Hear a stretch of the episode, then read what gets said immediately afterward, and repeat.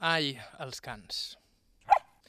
Aquesta que acabeu de sentir bordar és Narrea, protagonista secundària del programa d'avui. El protagonista principal, però, es diu Pep, Pep Díaz. Espera, espera, espera, espera. Ai, anava aquí, aquí, el, el agafen, el agafen sa mà, no. Aquí hi ha un plat amb menjar, allà damunt la finestra. Vol, vol que li dins, dins aquesta altra i posa-li i posa l'intern. Vol que li tot, vol que li tot, tot. I pas tot. Sí, ven si sopa i... Això és el seu sopar. Ara sí, ja mos, de... mos deixarà. Bé, no això, dos per a te, eh? dos per a fer, dos per a fer, com, com, com, diuen els, com diuen els polítics, corta i pega. Corta i pega.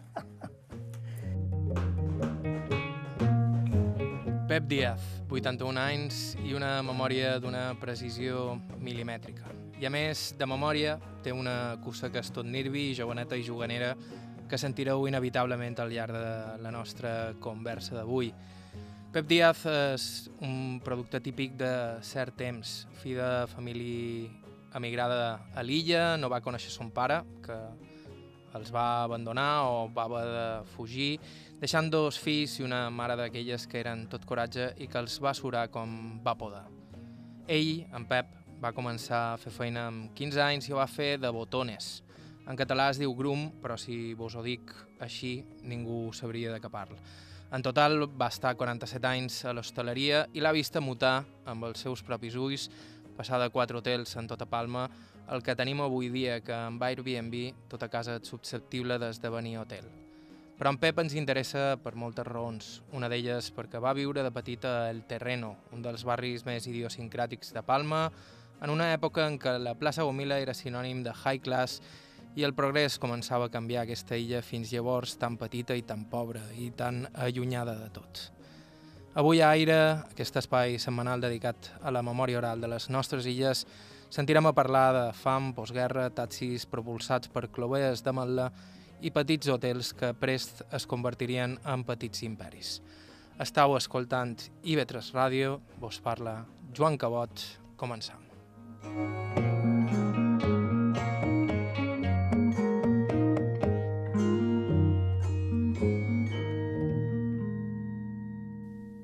I començam a Son Ferrer, a la terrassa de Can Pep Díaz. Ell mateix es presenta. I jo te diré. Jo nom Pep Díaz Millan i vaig néixer dia 30 de maig de 1937. Sí, mitja guerra espanyola. De la guerra no me'n recordo, ara després sí. Pep Díaz va néixer a Palma, però una Palma molt diferent a la que hem conegut els de la meva generació. Una Palma encara pagesa, amb camps de matlers i bequeries, a zones avui plenes de carrers, edificis, places i centres comercials. Vaig néixer, eh, supos que encara s'ha de dir el mateix, però ara s'ha urbanitzat i tot això, llavors eren quatre casetes, se deien Ses Barranc. I això, això està a final de Son Espanyola, camí de, de Son Rapinya. Llavors tot era camp, tot se sembrava, i hi havia aquelles quatre casetes, on puesto feia un pineret, i a davant d'això també hi havia el pineret, i hi havia la clínica naval. Hi havia la clínica naval, que era un xalet de, de grans senyors, segons deien, que se va requisar durant la guerra i feren la clínica. Que per cert jo l'he coneguda enmig, un costat arbocat, perquè quan hi havia moviment, pues, venien allà a bombardejar, i dins el pineret aquell que hi havia davant que nostra, hi havia encara el forat dels obuses, que jo jugava sos amics, jugàvem a, a davallar dins, dins el forat i rompre el calçon.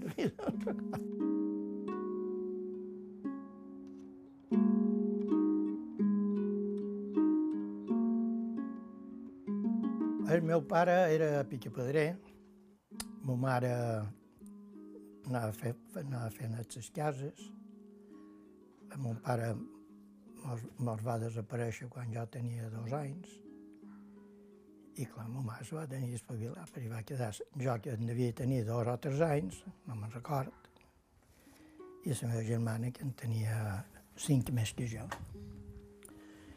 I ma mare pues, anava fent les cases, quasi totes pel terreno, i venia des d'allà baix a peu per amunt i a peu per avall, perquè el tramvia eh, costava. Partia prest i tornava tard. Partia, que potser jo dormia, el més probable, i tornava quan jo també dormia. M'agordava la propietària de la caseta, la Madó Catalina, i, so, i l'home que era no mia, i ella, ella Madó Catalina i el Manuel. I aquesta senyora era tan bona dona que de de que mos tenia allà, que no sé si cobrava res de lloguer, que el més segur que no, mos donava menjar i mos donava... En fi. I allà vaig viure fins que vaig tenir set anys. La mare devia tenir coratge. I era així petita. I no crec que he fet 50 quilos. Va tenir un gènit. No vaig saber mai, perquè en aquell temps tot se duia molt amagat i tot se duia molt així. No vaig saber mai si va fugir perquè ell va voler o si és que el perseguien, la postguerra, en fi, tot això que pot passar. No he rebut aclarir mai. De vegades he tingut la sospita, perquè em va agafant paraules de vegades. Normalment la família sempre ha xerrat molt poc, de que mos va abandonar. Però també he tingut de xones de que és que els falangistes el seguien, no, No l'he conegut, i ja és. I ma mare pues, no, va, no va rebre mai un cèntim mai, ni, ni, ni. tampoc nosaltres no. I si intentàvem, a lo millor, ja suposo, de que enviava conversació, sí. Però bé, no, no, ni a la família tampoc, els meus avis, les meves ties, Com haureu pogut endevinar pel seu cognom, la família d'en Pep no era de Mallorca. Tots provenien de Múrcia. De fet, tant les famílies paterna com materna tenien el seu origen en el mateix poble, Lorca. Tots eren de, de Lorca, Múrcia. El que varen venir aquí, que ma mare tenia, per mi eren 12 o 13 anys, o sigui, tots eren petits, i aquí ja se va casar, i aquí va estar, i però no va aprendre el mallorquí. El xaporreava. Jo en tenia tot com era natural, però no sé, i feia com a vergonya parlar mallorquí. En canvi, la meva tia més, més jove, la tia Àngela, sí, parlava perfecte, però també l'home era mallorquí, era genovès. Com han dit, aquella palma no tenia res a veure amb la ciutat d'avui en dia. De fet, era en molts sentits encara un poble. El manco en aquelles zones, en aquells temps apartades de les morades que delimitaven el centre de ciutats. Estàvem apartats, estàvem apartats perquè, llavors jo te diré, la punta de Son Espanyolet, ja a partir d'allà per amunt, tot era camp fins a l'entrada de Son Rapinya. Fins a Son Rapinya, que hi ha una creu que encara és per mi, fins allà tot allò se llaurava, a dreta i a esquerra. Al costat hi havia el castell, a l'altre costat hi havia Son Moix i Son Negre i Son d'això, que ara tot està urbanitzat i tal i qual, no, no, tot allò se sembrava i, i el que hi havia eren garrovers i, i, i ametles, i res més. Em record que en l'estiu jo anava eh, eh, amb ma mare a recercar ametles, a recercar garroves, o això, allà al voltant de que nostra. Just darrere que nostra també hi havia un pineret, i allà anaven a caçar en aquest temps, aquí un poc més en van, perquè venien tors i turaven allà i anaven a caçar. I, això me'n record perfecte, Madó Catalina tenia una coseta, que per aquí dova qualque foto, se li deien Sarita, i una coseta blanqueta així de petita, i deien, fer soldado i se posava a batalla. Bé, i anaven la coseta aquesta a recercar per les mates perquè sempre quedava qualque tor ferit o mort, però vaja, i ell els trobava. Que en trobava un, va bé, que en troba dos, estupendo. Va Catalina, va Catalina, i oh, farem una rosset, una cosa.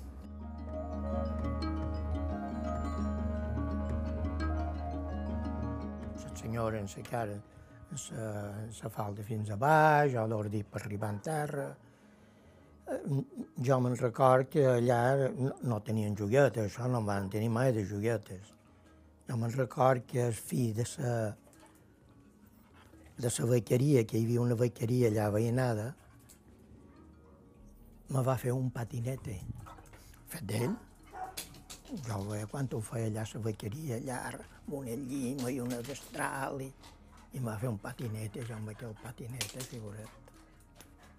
Era l'home més feliç de, del món. Un patinete que devia ser un tros de fusta. Sí, un tros de fusta, llavors va fer dues rodes, supos, o, i, un, i un mànic, que era d'uestre, això sí, me'n record. I, i, això, i això era el patinet, eh? I això era la jogueta que, de tota la meva vida que recordi. Perquè després, estant en el terreno, sí que allà mos venia qualque jogueta pels reis, però era per, un, per la senyora de Nakitayan, un gran compositor eh, japonès que vivia aquí en el terreno i que era el director de la banda de música de, de Palma, o de Mallorca. I se deia Kitayan, era japonès. I la senyora aquesta vivia part darrere de que nostra, poc així esquinada, hi ha un xaletarro, clar, tenia cent no ves. I per Reis mos, mos regalava joguetes a tots els del lot del barri, que inclús venien de Santa Catalina. Joguetes o quaderns i colorins, això, pinturetes, Alpi, te recordes les planetes Alpi?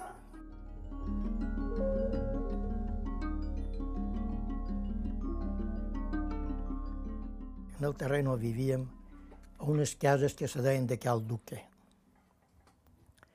No sé si existeixen o no, si existeixen no està en ruïna total, per supòs que no. Que ja d'on va fer xalets i ja d'on va fer coses, perquè això estava ben escucurucull de, del terreno. O sigui, el 2 de maig feia així, pujada, pujada, i just en aquell curucull que hi havia uns 100 metres de pla, aquí hi havia les cases de Cal Duque, que dominaves tota la bahia. La vista fenomenal. No va entrar i sortir barcos i fent. I a les cases de Carduc hi vivia la meva tia major, la meva tia petita, els meus abuelos, ma mare i, i jo, i, i altra gent, perquè eren set casetes. I varen armar d'un carro, meu tios, o feren ells, dues rodes de ferro així de gruixades que pesaven aquelles rodes pixa, rodes de tren, no sé. Però ses maren d'aquest carro, dels braços, per anar del coll d'en Rabassa per amunt cap a Sant Jordi, per aquelles possessions que hi havia per allà, que ara és aeroport, i ha... tot això, per allà eren possessions, tot això, passat del coll d'en Rabassa, que era un llogueret, tot allò ja eren possessions. Anàvem per allà per veure el que podien aconseguir, si uns ciurons, si unes faves, si unes patates, moneatos, això, tens, i anaven els diumenge de matí, partien de vel les 4 de matí, i en els al·lots, que ja podien caminar més majorets, pues hi anàvem amb ells i cap allà mos, mos duien colcant i rient i ha-ha i hi-hi, però cap aquí, cap aquí mos, mos, mos, mos, mos tocava espitjar perquè venien carregats i llavors que t'arribaves de Son Alegre fins a les d'or de maig en el terreno, tot era costa. I des de baix del, del carrer Bellver, que llavors de Bellver, s'ha de dir una altra cosa, allà on hi havia la farmàcia Calvet, fins a les d'or de maig, i do va ben bé quilòmetre i mig, quilòmetre llarg. I tot allò costa, eh? però costa. I ho pujàvem en el carro que rellaven per 50 o 60 o 100 quilos, el que podíem aplegar, patates, moniatos, faves, ciurons, pallaven en els pagesos. Pots o pots, però pallaven. El que m'agradava anar a aquesta pagesia era que mos fotien un berenar de pan sobrassada. I pa blanc, ma cago en dina. Ai, cago en com me'n record. Mos posàvem morar, perquè clar, duien més fang que un lladre, ja m'explicaràs. Ja era de fins a les 9 a les 10 del matí, quan arribàvem allà, i a més havíem pres de matí llet, no, perquè no n'hi havia. Bé, no sé, algo o res. Algo o res, no sé. I aquelles gent, pues, mos, clar, veien l'assumpte i me'ls fotien un llesques de pan sobrassada, pa blanc, fet d'ells. Bueno, que d'on era jo de tenir allò.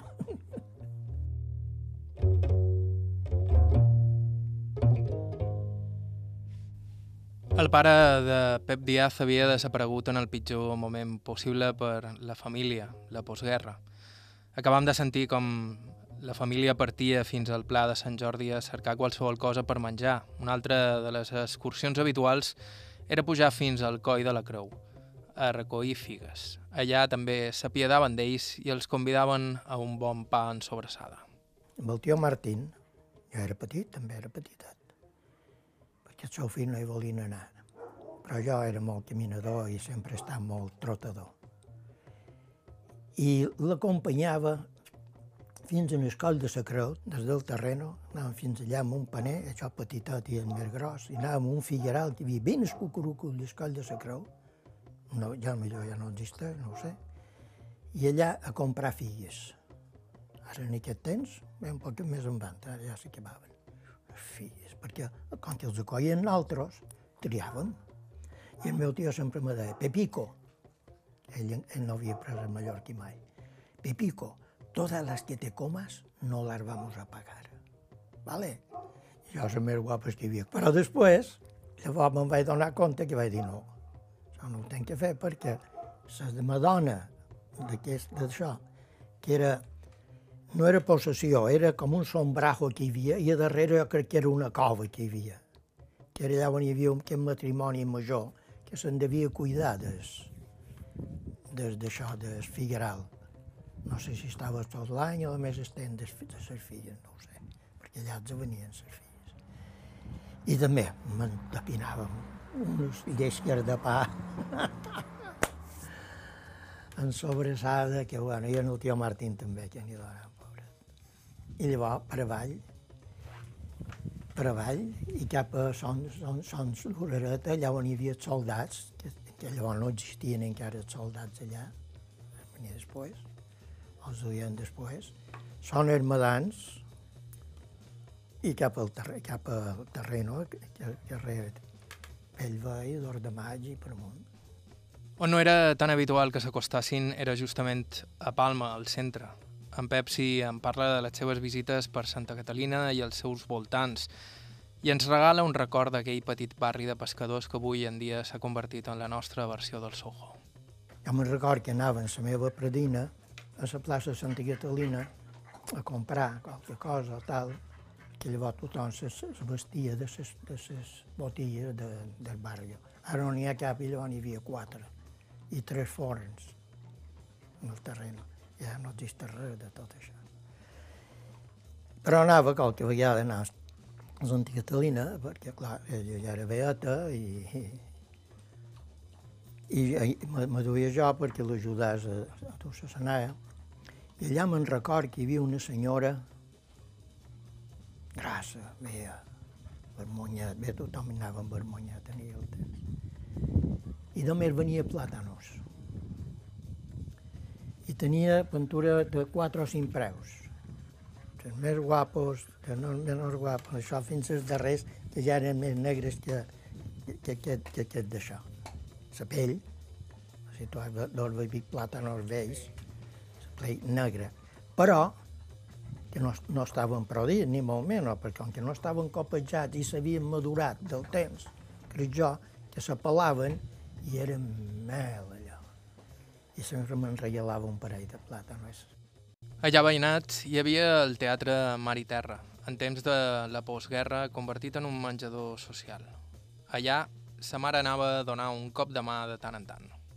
El jonquet, també de contaré una altra història, que inclueix a ma mare, anaven de ses barranc fins ben davant de de, de la iglesia Santa Creu, que hi ha el teatro, teatro Mar i Tierra, jo se deia Mar i Tierra tot sol, no era teatre. Hi havia teatro, però era Mar i Tierra. Que allà varen fer un menjador social. Anava la gent que no tenia per menjar i tal. I era de la falange. I el jefe era un tal senyor Conde, senyor Conde. Sempre anava a la que m'hi hablava. Tota, tota, se veia que anava tota recient planxada, que li veia les retxes, les mànigues, l'escut de la falange, i llavors duien cordons, blancs amb cordons, així, pareixia un capità general. I era l'encarregat des, des d'això. I quan no devia tenir dones suficients o el que fos, la mare era una d'elles, que l'ajudaven a la cuina, a tal. Jo l'ajudava a dur la panera d'espa, i el passaven per les taules, eren unes taules llargues, i la gent agafava, agafava espa. Quan me deia, vinga, Pepín, vinga, ajuda'm a sacar el pan. I parlant de la seva infància i dels seus veïnats, de sobte ens topam amb una d'aquelles històries que et fan un nu a la boca. A nosaltres i en en Pep quan ens ho explica. La filla d'una de les veïnes d'on vivia quan era petit tenia tuberculosi i vivia tancada a casa seva sense visites. En Pep, però, un dia va decidir entrar-hi d'amagats. Tenien una filla, pobrets. Teníem bé, una filla i un fill. Però el fill de molt jove se'n va anar a Buenos Aires i va estar allà molt any. Llavors jo el vaig conèixer ja de major, jo ja era casat i tot. I, però la filla era més jove, no sé quina edat tenia, però estava tuberculosa i va morir. I jo, ja m'ho tenien dit, no entis per res, no entis per res, i jo sentia aquella nina que ja es cridava i tal. I un dia vaig entrar, i era una rosa de més guapa. M'emociona ara. No sé, però jo crec que devia tenir 15 o 16 anys. Jo, no, no va saber ningú que havia entrat allà. Jo vaig dir, no ho diguessis. Diguessis, però què fas? Només la vaig conèixer 5 minuts, 10, no ho sé. Dos minuts, no sé. Però vaig quedar aquí i quan me record d'ella.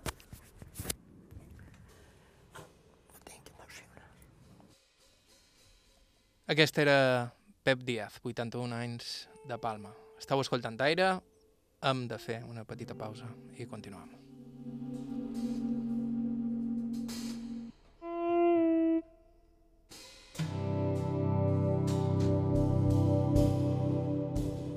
Joan Cabot. Aire.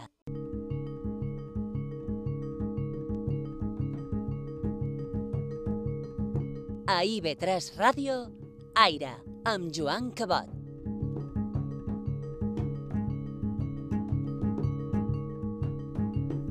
Hola de nou, continueu la sintonia de IB3 Ràdio, esteu escoltant Aire. Avui estem conversant amb Pep Díaz, 81 anys, nascut a Ses Barranc i criat a El Terreno, a Palma. Com hem comentat al principi del programa d'avui, en Pep va entrar de ben petit a fer feina de grum, el que col·loquialment i en castellà diríem botones. Uh, va entrar a fer aquesta feina a l'Hotel Mediterrani, un dels grans símbols dels inicis del turisme a Palma. Abans d'entrar-hi, però, en Pep passaria per l'escola de la Falange i per les fletxes navales, tot perquè la família tingués una boca menys de la que preocupar-se. Ma mare sempre cercava el millor per nosaltres, tant per la meva germana com per jo. Sobretot que no passassin gana. No vaig passar mai gana amb ella, però que millor qualque dia menjar puntura un poc més. Puntura sí, sobretot el berenar, que duia a escola. El berenar d'escola consistia en un boniato, bollit. Això era el berenar. Bueno, entonces ella me va ficar a la falange, frente a Juventudes, que ja agafaven el lotet de 10 anys per adoctrinar-los, per tal, per qual, i la meva germana, a un, a un convent, era, era, hi havia monges, però duia la secció femenina, que se deien les adoratrices. Ara hi ha, ara hi ha, ara hi ha un Mercadona. Llavors el convent aquest és un Mercadona. Allà estàvem, mos donaven menjar, vivíem allà, mos escola. Jo estava a Son Rapinya, on com, era una casa senyorial que l'havien, supos que adossada per això, o, o transformada per això, i allà se deia el preventori juvenil. I era la falange. Anàvem vestits de falangistes, els més xulos que un all, els diumenges mos duien a missa desfilant des d'allà, cantant les, les muntanyes nevades i tal, i anàvem fins a l'església de, de Sant Rapinya, allà a missa, tots formats. I, i no es perdonen-me d'això, no? però sempre he estat molt sèrio i molt, molt d'això. Jo era el que desfilava davant del pelotón eh? i donava les ordres. Alto, firmes, a cubrirse, derecha, izquierda, media vuelta, de frente, mar, tal, tal. I, i jo anava a deu passes davant d'això. Venien unes senyorites, perquè també eren, eren entre secció femenina i falange, i les professores i els professors venien en el, però anaven pel costat de les aceres, o, o més avant o més enrere. Nosaltres, el protagonisme, érem, érem els al·lots. I mos aplaudien el, el veïnat de per allà, que no et podies imaginar. Que venen els al·lots, que venen els al·lots. I no, nosaltres anàvem cantant i cantàvem, en fi, aquestes cançons que era un dia un camarada, Muntanyes nevades, Cara al sol, en fi.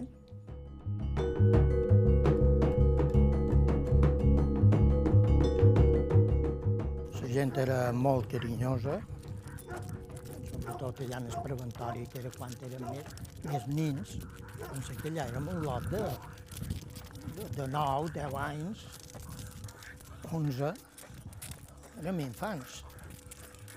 I només veiem a la família un, un, una hora baixa en el mes, un diumenge hora baixa en el mes. I jo crec que devíem ser voltant de, no diré un centenar, però més de 50 sí que érem, sí, sí. Sí, perquè anàvem formats, fèiem dues seccions, més petits davant, llavors una altra secció eren més grandets, o sigui, de baix a alt, en tres, tres files. Jo crec que sí, que devien ser un centenar. Jo vaig entrar en els 8 anys. Per mi, per mi els tenien allà dels 8 en els 12. En els 12 ja mostrem que va ser quan vaig entrar aquí en els fletxes navals.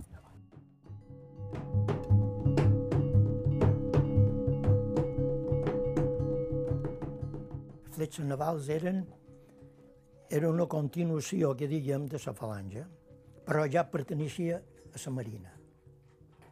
I anàvem vestit de marinos. Ja mateix, el, jo, amb 12 anys, que devia fer un metro cinquanta,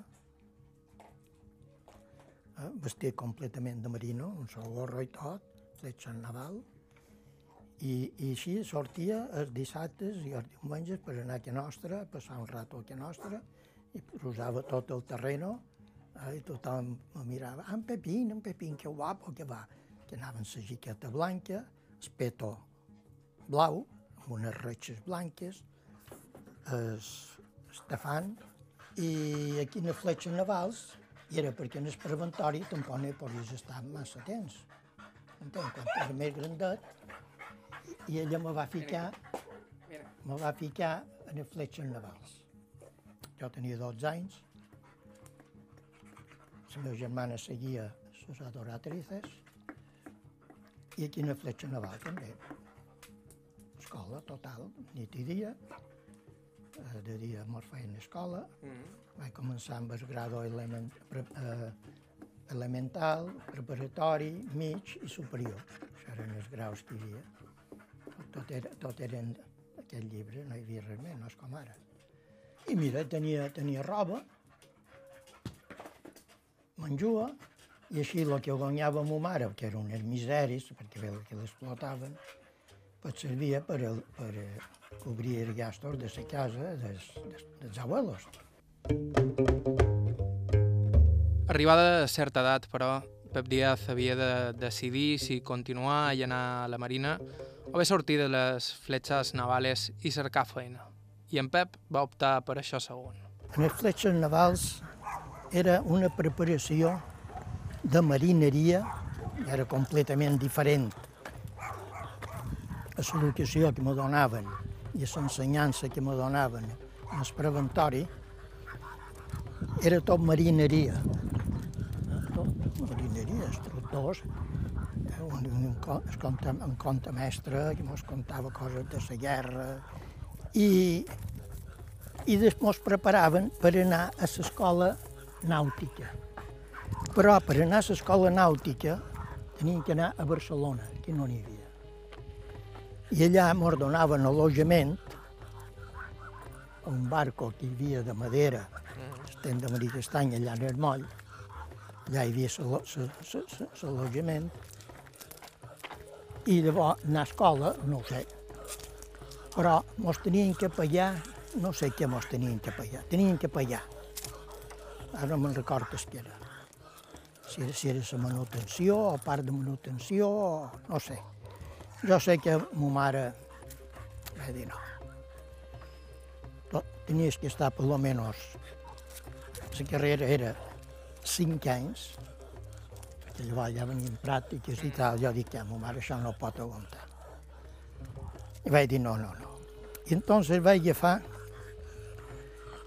en el director de l'escola de Fletxes Navals, que nomia José Aguirre. I eres pràctic del moll de Palma. Uh -huh. Que havia estat capità de barco i tot això. Després ja se va jubilar, que diguem. Va seguir fent, o sigui, va agafar fes pràctiques, que entrava el barco de Barcelona i tot això, que llavors només entraven dos o tres barcos en el dia. I, i un dia li vaig dir, senyor, senyor, don José, don José Aguirre, don José,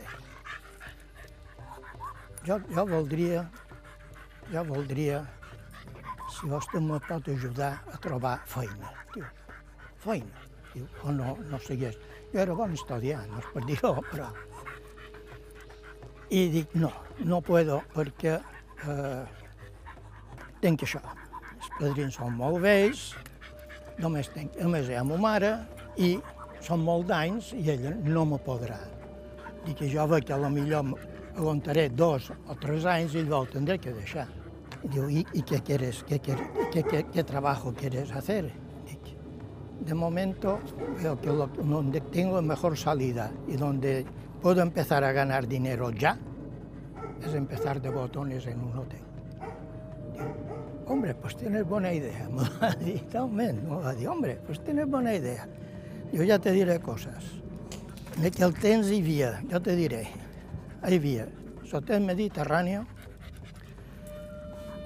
el Victori, vell, o sigui, antic, llavors tomaren i pujaren el nou, hòstia, el nou. Havia l'Alzina, el Mirador, el Costa Sul, encara és el Costa Sul, però hi havia qualque, qualque residència per allà pel terreny camuflat, això. I a Palma hi havia l'Alhambra, hi havia Saratoga i qualque hotel més, que ara no m'havia escat.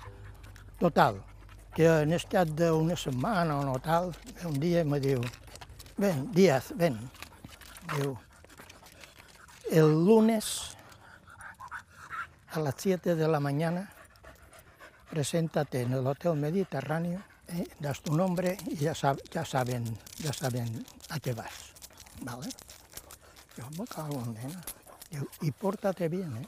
El Mediterrani, era, era, era el top, el top del top, l'hostaleria l'any 52. Parlant ja aquí, l'any 52. Tenia 15 anys que vaig de complir. Presenta allà a les 7 del matí, com un clau. Ve un altre nen, no sé si era o va arribar, bé, total, que ens trobaren tots dos allà, i on vas? Aquí. I tu també. Entrant per endins, trobàvem en Margaret, conserge amb una carota. És un calbau, petit, gordo, d'Antoni Margaret, català. Voleu, voleu vosaltres?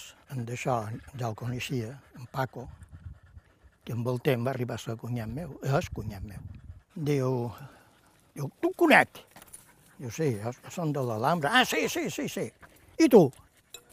I jo som en, en Pet Díaz, que venc recomanat pel senyor Aguirre.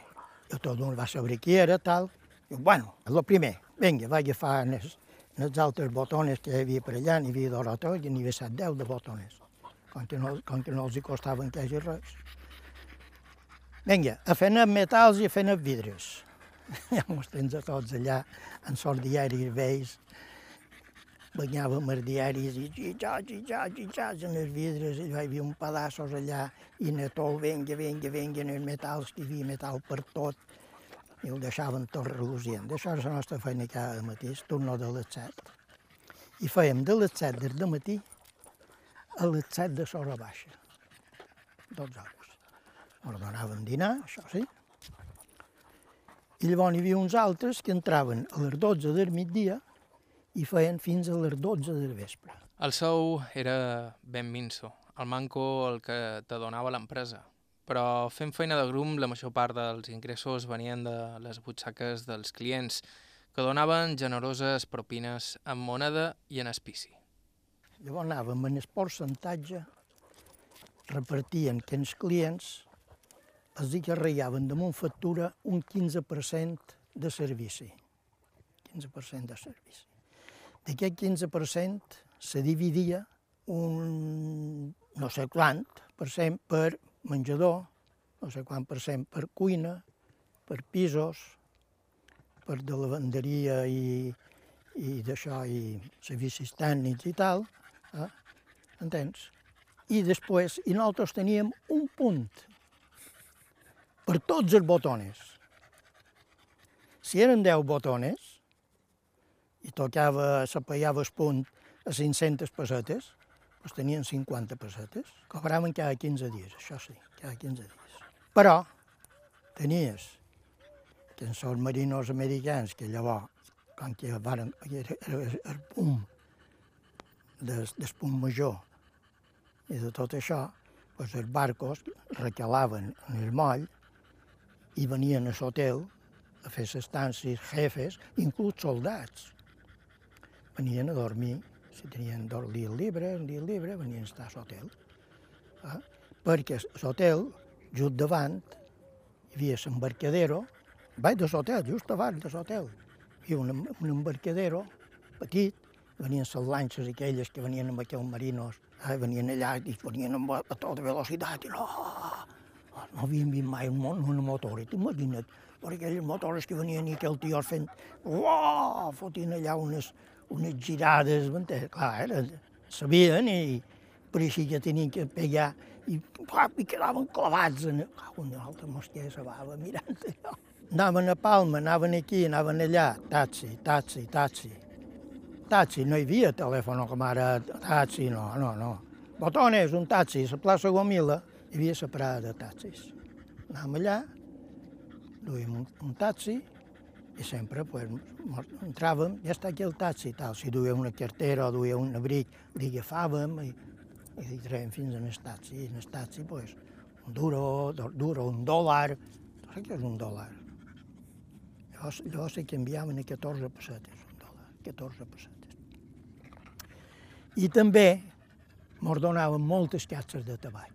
Palmal, Winston, Camel, tots, totes les marques que encara existeixen, i m'arreglàvem. I quan jo sortia, no hi ha tres o quatre catxes de tabac, tots els companyeros de pel terreny, tots els amics, ja sabien el turno que tenia, m'esperaven a la plaça Gomila i... Pepín, Pepín, Pepín, què és, què és, què és? Mos conviden, mos conviden. Bueno, va, vinga, tre... què vols? Ah, Palma, tot volien Palma, perquè era una casa vermella molt vistosa, de més en el cigarro així de llargs, els altres més curts, i boquilla. I allà me vaig engrescar a fumar. De tot d'una m'agafava un oi i una de sona, però havia que fumar, i fumava.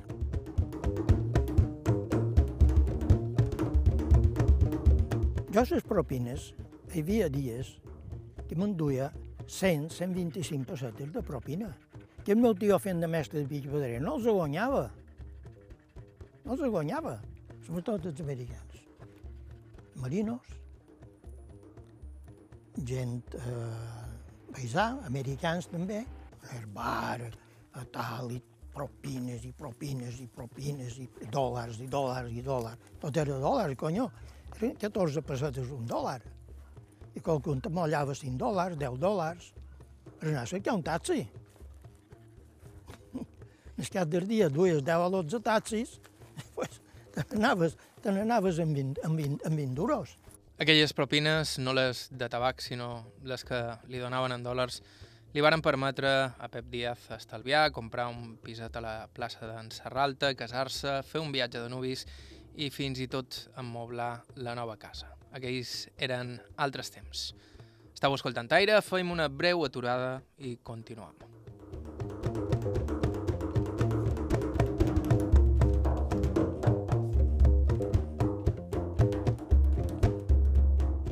A IB3 Ràdio, Aire.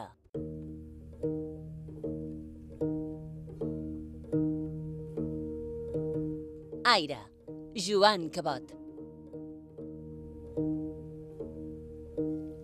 Hola de nou, això és Aire a IB3 Ràdio, un programa sobre la memòria oral de les nostres illes, és a dir, sobre els records personals dels nostres entrevistats, gairebé sempre gent comú, i com cada un d'aquests records és una petita peça de la nostra història col·lectiva.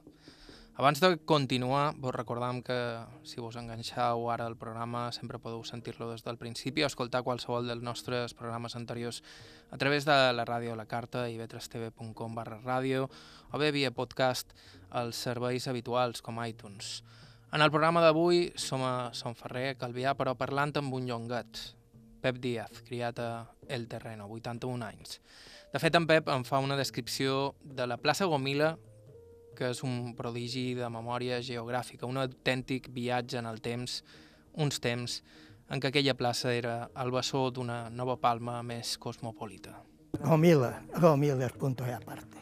Gomila, el que és ara, fa, fa pena, això sí que fa plorar. De com era a com és. Gomila és com un quadrat, saps?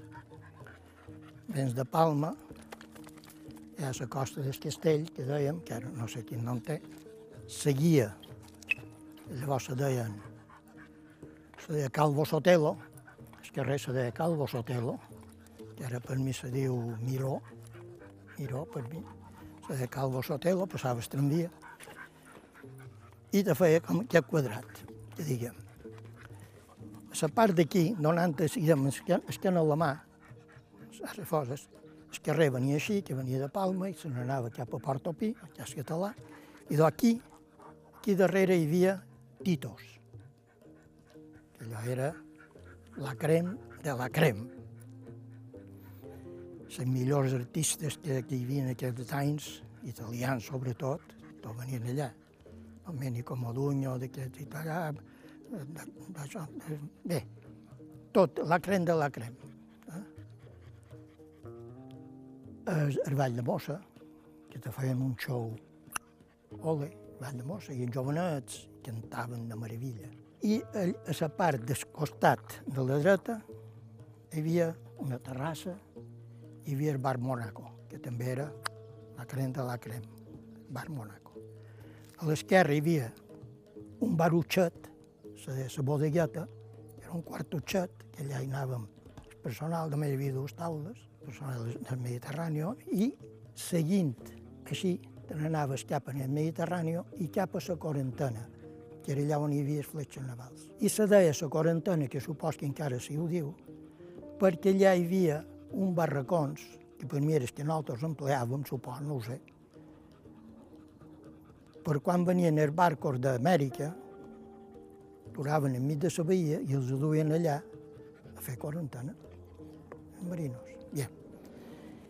Hi havia la quarantena, hi havia la plaça Mediterrània, que hi havia sota el Mediterrani, i en el costat hi havia la Guàrdia Civil, el cos de Guàrdia Civil, i una esqueleta i, una, i un carreret que baixava així fins a les roques de la mà, perquè la mà arribava fins a, a dins el Mediterrani, baix. Eh? Com tot el passeig marítim, no hi havia res.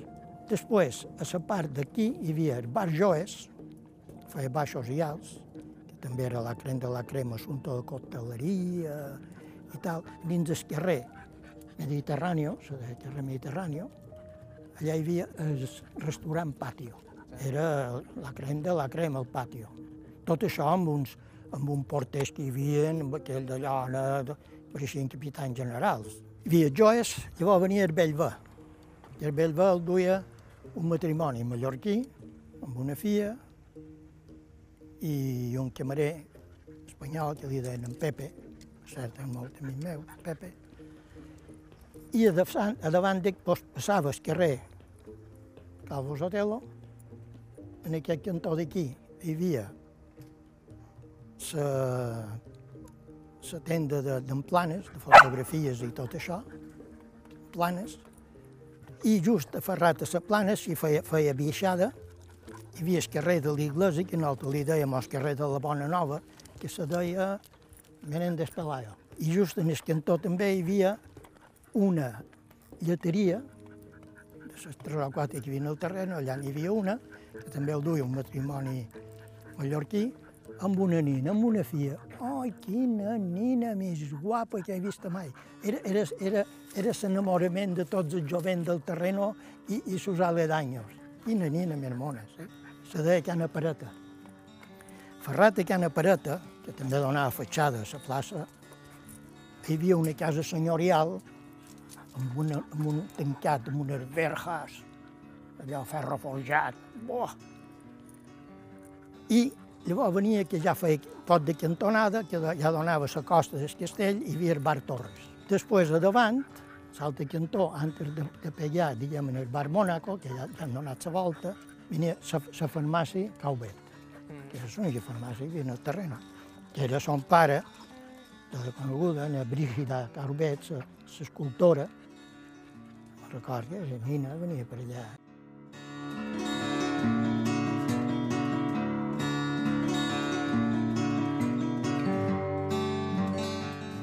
En Pep Díaz va fer feina a l'hostaleria 47 anys, els 13 primers a l'Hotel Mediterráneo i després a l'Hotel Pueblo, a Serenal, un dels primers grans hotels dels germans Barceló, que anys després esdevindrien un dels majors imperis de l'hostaleria de Mallorca.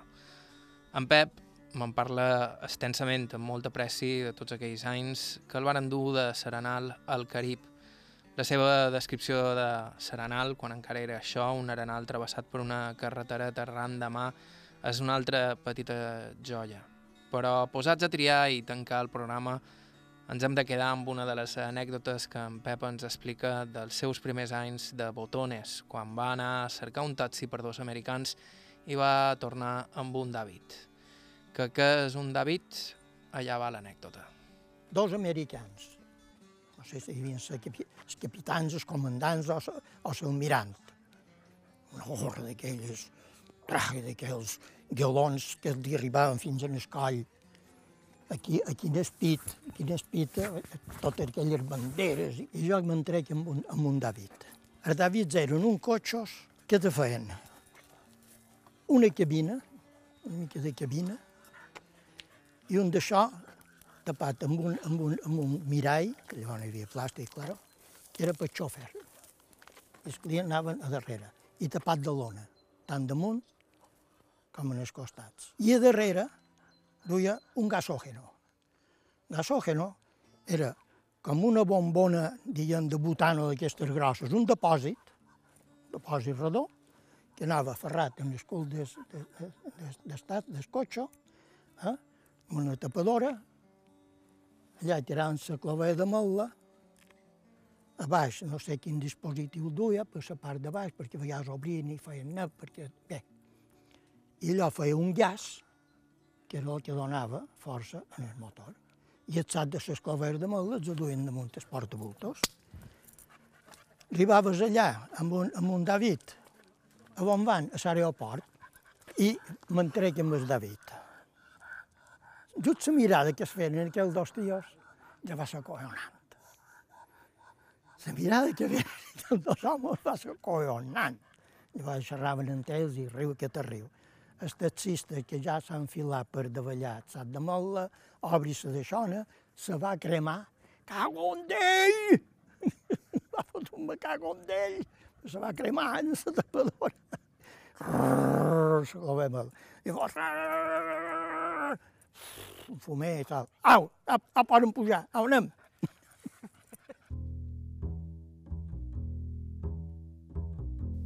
I no tenim temps per més. Fins aquí el programa d'avui d'Aire. Mil gràcies pel seu temps i amabilitat a Pep Díaz Pare i també a Narrea, la seva cussa, a qui heu sentit de fons passejant. I a Pep Díaz Fi, gràcies per posar-nos en contacte amb son pare. Aprofitant per dir-vos que si ens voleu suggerir cap entrevista, ho podeu fer enviant un correu a aire.ivetresradio.com. Ja sabeu que podeu sentir aquest i anteriors programes en qualsevol moment a la ràdio, la carta ivetrestv.com barra ràdio i via Apple Podcast i serveis similars. També ens trobareu a Facebook i Instagram, Bàrbara Ferrer i Margalida Mateu a la producció executiva, Miqui Fiol a la producció tècnica, vos ha parlat Joan Cabot. Fins la setmana que ve. Thank you.